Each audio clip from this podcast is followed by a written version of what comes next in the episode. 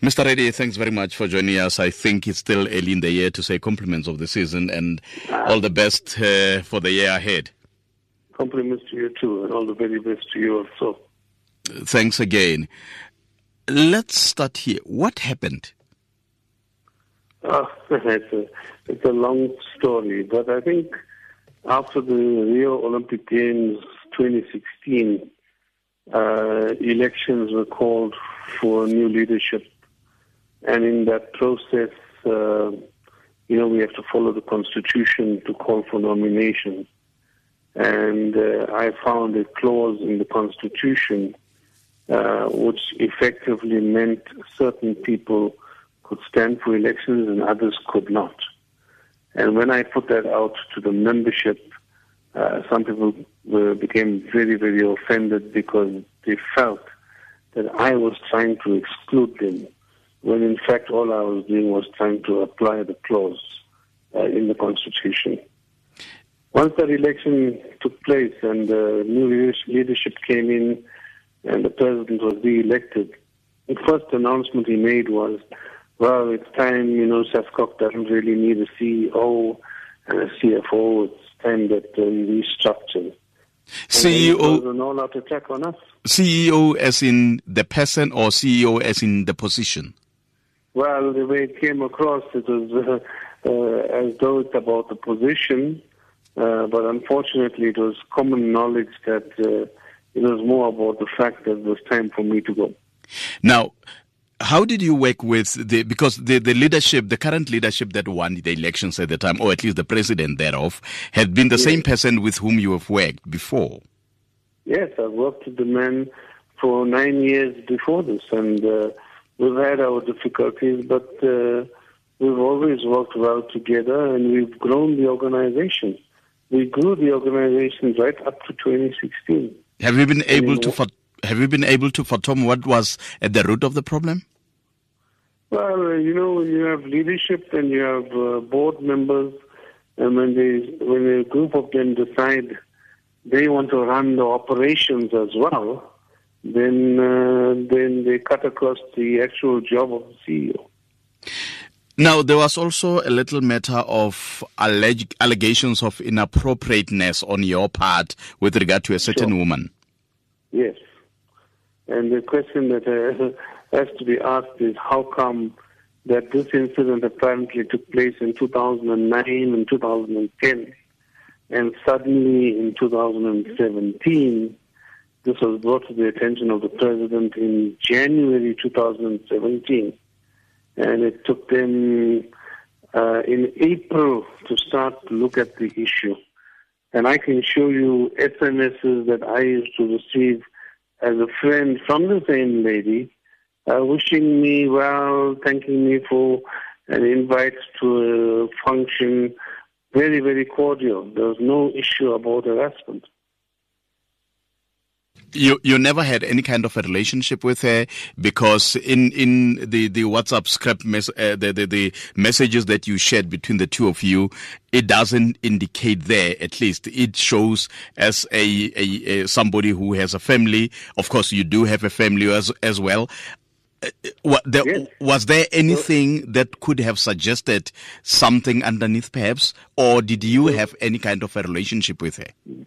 There was absolutely nothing, and that is why I say to you, it's a fabrication. It is something cooked up between the leadership, this lady and her husband, because they have an interest in coaching in the country. Mm-hmm. She heads up the coach department uh, in the organization that I was the CEO. And coaching in this country, if it's done uh, for the people of the country, it can become big business. So they wanted me out of the way and they came up with this fabrication. Mm-hmm. Could, could you tell us more about this issue of Norton Rose Fulbright because it was also part of the allegations? Well, Norton Rose Fulbright, I, they, they first used a company called Work Group South Africa to look into the allegations. And they then appointed a gentleman called Mr. Oberlechner to investigate and report back on the so-called disciplinary process. And before the gentleman could finish, I was suddenly told, no, no, no, all that is put, uh, they've stopped, and they've now appointed Norton Rose Fulbright, who then went and found a way to suspend me and then go into some other investigation, come up with other charges, and 6.2 million rand later, uh, they find I'm guilty together with my two colleagues, even though they didn't even listen to our side of the story. We had no hearing that we, where we presented our case. Hmm. Re buisana jalo le mo eh, wa maloba wa sascok yo o beleseditsweng re thabe ready mme o latola gore ditatofatso tse di tse a neng a latofadiwa ka tsone tse dirileng gore a kobiwe ko sascok ga dina motheo ga dina boammaaruri. Tla ke go tlhalosetse jaana gore re lekile go batla ba sascok ba sascok ba re kaetse jalo gore re buisane jalo re yo go tile re buisane le ene ga re kgone go mo fitlhelela ga jaana. I, have to point out mr ready that we we spoke to uh, mr gideon sam who sent us to interestingly Mr. Barry Hendricks. uh, you know, now we cannot get um, to him. We we can we can uh, reach him, uh, but. I have to point out that you know we we we we we, we put effort out to try and sure. get SASCOC to respond to this, just so that people should know as well. Could no we go back to to the Olympics in 2016? Um, yes. When we went to Olympics, did you have any sense that when you come back, there would be the relationship would have soured? No, nothing at all. In fact, I went to the Olympic Games as the head of the delegation of the South African team. Mm-hmm. Uh, only because I found a clause in the Constitution. I went to two senior counsel to check the interpretation of the clause, and they agreed with my interpretation. And that meant some of the president's friends wouldn't have made the board. They wouldn't have been successful because they wouldn't have been eligible to stand for elections. One such person is Mr. Barry Hendricks himself, who eventually became the vice president. Mm-hmm.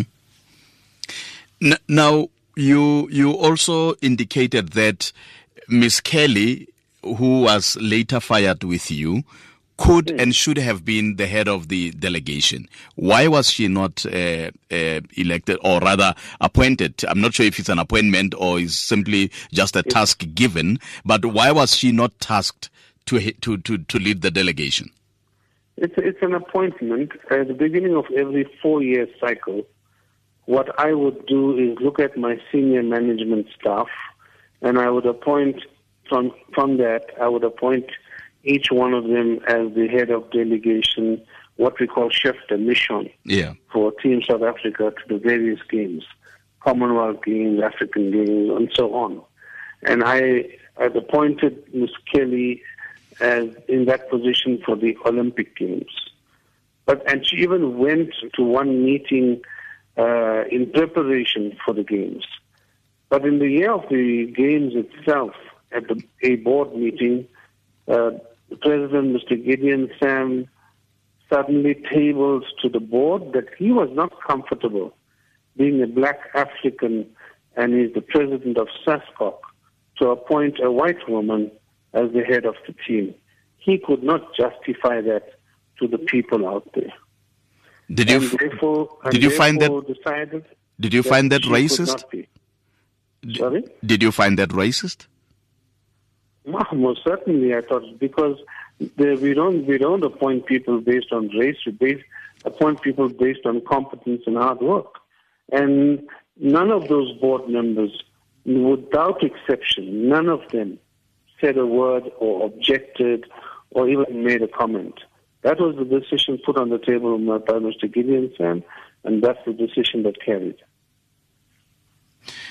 Re buisana le re go na le dintlha di le dintsi tse di tlhagelelang fa tse di supang gore e kete go na le mathata kwa mokgatlhong wa sascoc redi you have left sascoc you served uh, the organization for uh, almost entire life not only the organization as sascoc but sports generally Sure. Did you find anything amiss when these allegations first surfaced? Oh, look, there's, I mean, there's a number of issues that uh, uh, surfaced, and uh, I have made my submission to the judge for the Commission of Inquiry set up by Minister Thulas Nxesi. And uh, I will go and I will testify in that hearing uh, on a number of issues that uh, where constitutions are not followed, constitution is violated. I mean, the very SASCOC board that's there in terms of the elections of 2016 uh, has now proved, it's now been proved that my interpretation of the Constitution together with the two senior counsels was actually correct. It means that SASCOC board is not properly uh, elected. Do you think you were shifted out of SASCOC, let me use that adjective, to sure. Swindle the money out of the organization? No, I can't make such uh, assumptions uh, in terms of uh, people have business interests. But as long as uh, I was there as the CEO, uh, I did not give in to any such um, approach to do anything that was not proper. And you individually, you never benefited anything out of SASCOC um, in an inappropriate manner. Absolutely, I have.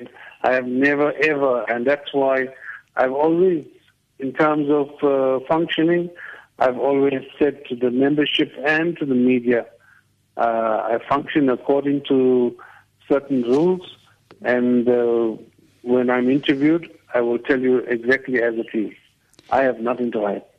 And did you, during your interaction when you were still uh, before the, the, the suspension, that is, in your interaction, I, I'm I'm asking this because I'm trying to understand how could you have worked so well, or at least to our eyes, so well with almost the entire leadership. There would be, of course, you know, during the course of interaction with any other person, you'd always say things differently. But it appears you had a very good relationship with almost the entire SASCOC board, including the president. How could suddenly things change so much that um, it appears there was a loathing from either side of you? Well, look, like I said, you know, you'll have to. Unfortunately, I won't be able to answer the question other than to show you from post the games 2016 mm-hmm. in one year, from 2016 to the end of 2017, how SASCOC, in my opinion, has basically been destroyed. There is no money coming in, there's no sponsorship. Money's been used on court cases and athlete support is not even something that you hear from SASCOC. How come? And suddenly, in, in, in, after nine years of successful stories, in the tenth year, if you ask the SASCOC board, what have they achieved in the one year for sport in the country? Uh, I'd be surprised to hear their answer that will show all the development they've done in sport. Why and how did we lose the Commonwealth Games in 2022? How did Durban lose? that's that's another very sad uh, day for South African sports. We had worked very hard, even though there was only one country bidding eventually. But we still had to go through all the processes, and we worked very hard to win that. And uh, uh, we we won the bid in in in, in Auckland, and before we even knew it, uh, the president was already setting up a company in partnership with SASCOC to do what he called a Nation of Champions, a youth legacy program, which obviously was going to generate lots of money in terms of a build-up towards the delivery of the games. But he forgot to include the other stakeholders, which were largely the three tiers of government. And this angered and upset government. So much so that they wanted, going forward, they decided they would be totally in charge to deliver the games. Mm-hmm. And the Commonwealth Games Federation, unfortunately, would not allow that. So because of those little miscalculations, you know, with this grand business idea, uh, these things have been lost. So, am I right in saying that the Commonwealth Games was torpedoed by the president of SASCOC? Is that what you're saying? As far as, as, far as I'm concerned, most, most certainly. Now, was the government aware of all this? Is that the reason why the government pulled the plug on the games? Well, eventually, the way the story came out was this whole issue of affordability, and that you know the games were going to cost more than what we thought. But the bottom line is that government did not want to allow a situation where they didn't have control over the overall delivery, but also because they had learned a bitter lesson out of the Football World Cup. What happened there? Well, just in terms of the amount of money it cost the country, and uh, the government, the international football body was more in charge to, of those games than anybody else. So basically, the government wanted. Uh, uh, how does it work with Commonwealth vis-a-vis football, for example?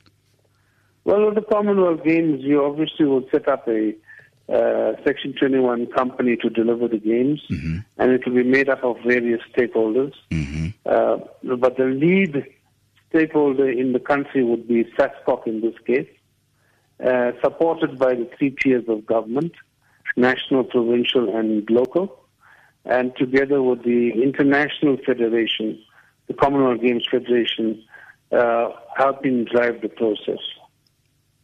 Re buisana le re thabiredi re le ka go tlhaloganya se se diragetseng ko now obviously i would i would i would i would at least try to understand that from what you have said so far that they mm. might have had a bone to chew with you. What about miss kelly and and and um, the the former uh, uh, coo former cfo cfo cfo i, I beg well, your pardon. they, yeah. they decided look uh, uh, part of us, uh, three of us were part of top management, and uh, they needed to get rid of all of us so that they could now dictate the operations rather than have top management run the operations of the organization, and that they can bring, I suppose they can then bring in whoever they want to, and if people are able to, if they are able to control what people must do, as long as uh, you do it their way, then I suppose uh, that works for them. What do you think the commission set up by the minister will uncover? Um, you, you earlier on said that there is nothing wrong on your part uh, that shall be found. Uh, mm-hmm. Yes. It will uncover. It will uncover many, um, many things that uh, uh one will question when it comes to governance uh, in terms of operations. You know, the, the, the, the big word in, in, in, in, many organizations today is the issue of good governance. Mm-hmm. And uh, that will come, come out very clearly that uh, there are various areas that need to be uh, rectified when it comes to governance. Do you know the terms of reference? Oh, yes, I do. I do.